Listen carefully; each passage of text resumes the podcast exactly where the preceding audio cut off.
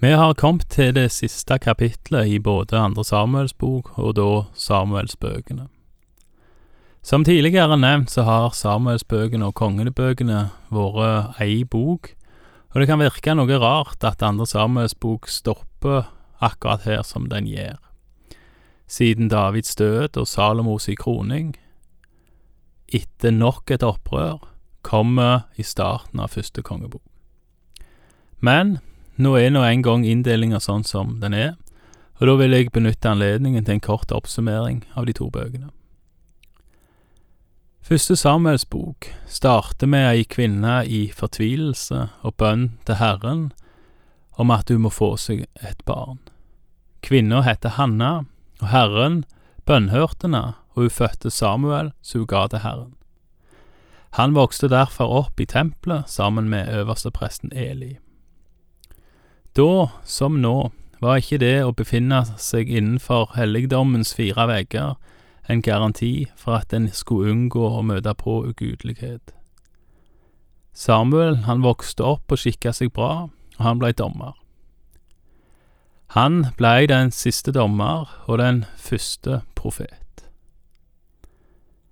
Men folket forkasta hans sønner, og de ønsket seg en konge. Samuel han salva Saul. Og så kommer det mange historier om Saul og hans verk, og om David og hans verk.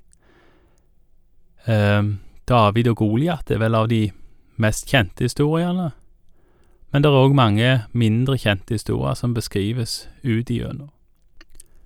Hovedhistorien i første Samuels bok blir på en måte hvordan Saul blir forkasta av Gud, men og at han regjerer ei god stund etter det, og David er jaga vilt.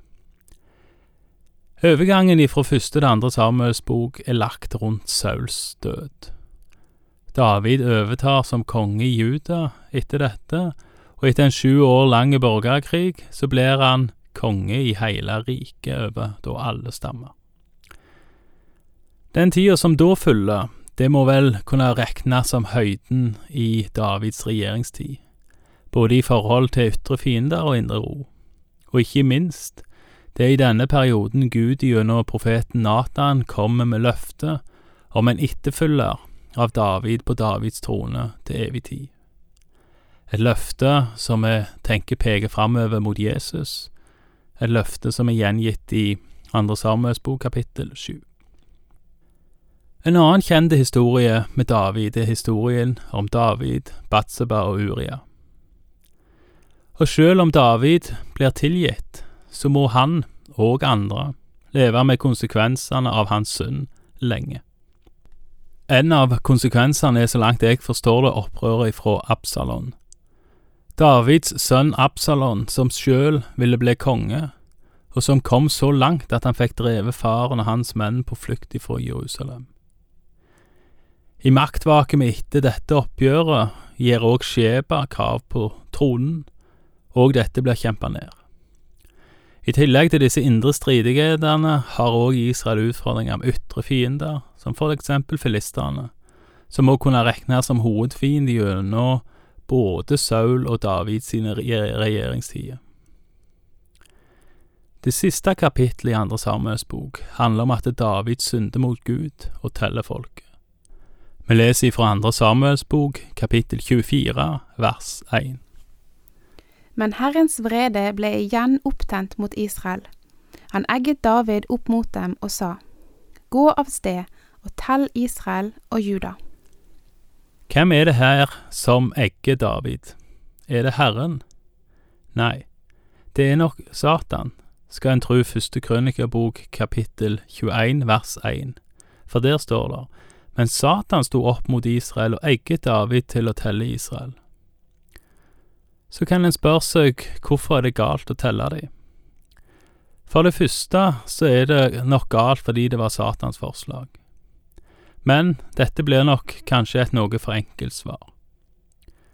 Det kan òg være det er galt fordi det er galt å søke trygghet i antall og i en stor hær, i plassen for sånn som israelsfolket skulle gjøre, og søke trygghet i at de var Guds folk, og at Gud ga seier. Vi kan en annen plass i Bibelen lese at Gideon får eksplisitt beskjed om å ta med seg mindre folk, for det at han ikke skal tro at det var hans eller hæren hans sin fortjeneste at de vant. En historie du kan lese om i Dommerne kapittel seks og utover, særlig i kapittel sju vers to.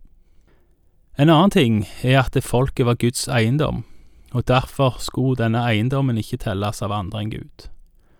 Det står òg i andre Mosebok kapittel 30 vers 11 at når folket skulle telles, så skulle hver mann over 20 år gi en halv sjekel som løsepenge for sitt liv. Pengene skulle tilfalle driften av sammenkomstens telt eller tabernakle. Det fremkommer heller ikke at David samla inn denne tempelskatten. Vi leser videre fra vers to. Da sa kongen til sin hærfører Joab, som var hos ham, Dra omkring i alle Israels stammer, fra Dan til Beersheba, og mønstre folket, så jeg kan få vite tallet på dem. Joab svarte, Måtte Herren din Gud legge hundre ganger så mange til dette folket som de nå er, så min herre kongen selv får se det. Men hvorfor har min herre kongen fått lyst til dette?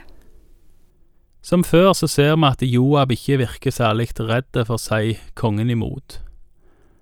Og her antyder vel kanskje Joab at eh, David ønsker å telle dem for sin egen del, enten for å berolige seg sjøl, eller kanskje mest sannsynlig for å kjenne på stoltheten over å være konge over så stort folk. Joab sier at han håper at Gud hundredobler folket for Davids øyne. Kanskje en uttalelse med en noe ironisk eller sarkastisk undertone. David, han står på sitt, og han går i gang. Vi leser videre fra vers fire. Men kongen holdt fast ved sin befaling og ga ikke etter for Joab og hærførerne. Så dro da Joab og hærførerne ut i kongens tjeneste for å mønstre Israels folk. De satte over Jordan og slo leir ved Aroer, på høyresiden av den byen som ligger midt i Gadsdalen, og bort imot Yaser. Så kom de til Gilead og til lavlandet som nylig var inntatt.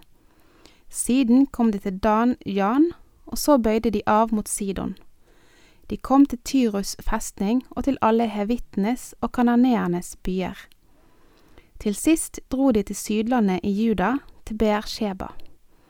Slik dro de omkring i hele landet og kom tilbake til Jerusalem etter ni måneder og tjue dager og Joab oppga for kongen tallet på dem som var mønstret. I Israel var det 800 000 sterke menn som kunne dra sverd, og Judas menn var 500 000. Totalt hadde David en hær på 1,3 millioner menn. Det er nok noe upresist, for det var ikke sånn at det var en stående hær, men David hadde 1,3 millioner menn som kunne mobiliseres hvis alle våpenføre menn ble kalt ut. Om tallet var stort nok til å stille Davids stolthet, det vet vi ikke.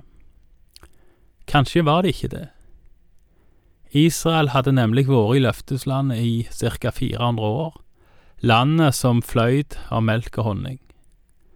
Men folket hadde ikke mer enn dobla seg i antall. I Egypt kom de inn som noen få familier og de blei så sterke at farao sjøl så på de som en fare, mens i sitt eget land, i Kanaan, stoppte dette mer opp. Kanskje var ikke svaret som Joab og hærførerne kom tilbake igjen med, så høyt som David hadde lyst til, eller håpte, det vet vi ikke.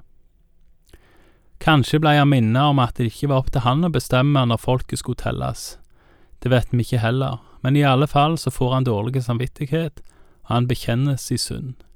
Vi leser videre fra vers 10. Men samvittigheten slo David etter at han hadde talt folket, og David sa til Herren, Jeg har syndet grovt med det jeg har gjort. Men tilgi nå, Herre, din tjeners misgjerning, for jeg har båret meg meget uforstandig at. Da David sto opp om morgenen, kom Herrens ord til profeten Gad, Davids seer, og det lød så. Gå og tal til David. så sier Herren, tre ting forelegger jeg deg, velg en av dem, som vil jeg gjøre så mot deg.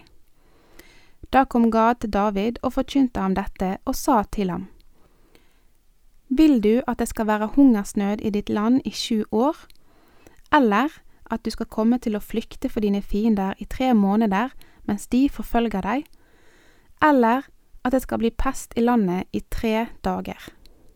Tenk nå etter og finn ut hva jeg skal svare ham som har sendt meg. David sa til Gad, Jeg er i stor nød, la oss da helst falle i Herrens hånd, for hans barmhjertighet er stor, men i menneskers hånd vil jeg nødig falle. Legg merke til Davids svar her. Til tross for at han har synda mot Herren, så vil han heller falle i Herrens hånd enn i hendene til mennesker. For Guds barmhjertighet er stor, men David har ikke samme erfaringen hos folk. Og det kan en forstå. Flere av hans egne, både familie og underordnede, har falt han i ryggen, mer enn én en gang. Og David har for sin del felt en og annen i ryggen, han òg, så han er ikke heller uten skyld. Men likevel, David vil heller i hendene på en nådig og barmhjertig Gud enn i menneskehender. Kanskje er det blant annet derfor han blir kalt en mann etter Guds hjerte, fordi han tross alle sine feil og tabber frykter Gud mer enn mennesket, og heller vil stå for Herrens domstol og be om nåde, enn å stå foran menneskers domstol. Det kan være noe å ta med oss for noen hver. Vi leser videre fra vers 15. Så lot Herren det komme en pest i Israel, fra morgenen til den fastsatte tid, og det døde 70 000 mann av folket fra Dan til Beersheba. Og engelen rakte ut sin hånd mot Jerusalem for å ødelegge det. Da angret Herren det onde, og han sa til engelen som gjorde ødeleggelse blant folket, Det er nok, dra nå hånden tilbake. Herrens engel var da ved jebusitten Aravnas treskeplass. Det er ikke så ofte står at Herren angrer. Det står i Første Mosebok kapittel seks, i historien om Noah, at han angra på at han hadde skapt mennesket. Det står òg at han angra på at han hadde gjort Saul til konge, i Første Samuels bok kapittel 15 vers 9. Det står òg at Gud angra i Jonah, i Amos og Jeremia, kanskje òg noen andre plasser. Og det står her. Det står at Gud angra straffen, og han ville vise nåde. Han stopper derfor sin dødsengel ved jebusitten Ravnas treskeplass.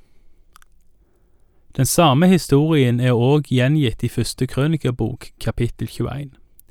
Her er navnet på eieren av treskeplassen Ornan, men det tales om samme person. En jebusitt ved navn Aravna eller Ornan.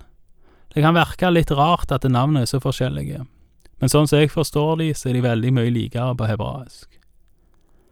Og det er òg de som mener at det ikke er navn på en person, men en tittel det snakkes om her. Navnet Aravna ligner nemlig på ordet for konge i språk til folket som var der omkring. Det kan derfor tenkes at det var jebusittene sin konge som var eier av treskeplassen. Det er kanskje ikke det viktigste, men det som er viktig, det er at en får med seg at personen David kjøpte av, refereres til med to navn, og at det er navnet Ornan som brukes i andre krønikebok kapittel tre vers én. For der står det om når Salomo bygger tempelet, eller begynner å bygge tempelet. Det får vi komme tilbake igjen til seinere. Takk for i dag, og Herren være med deg.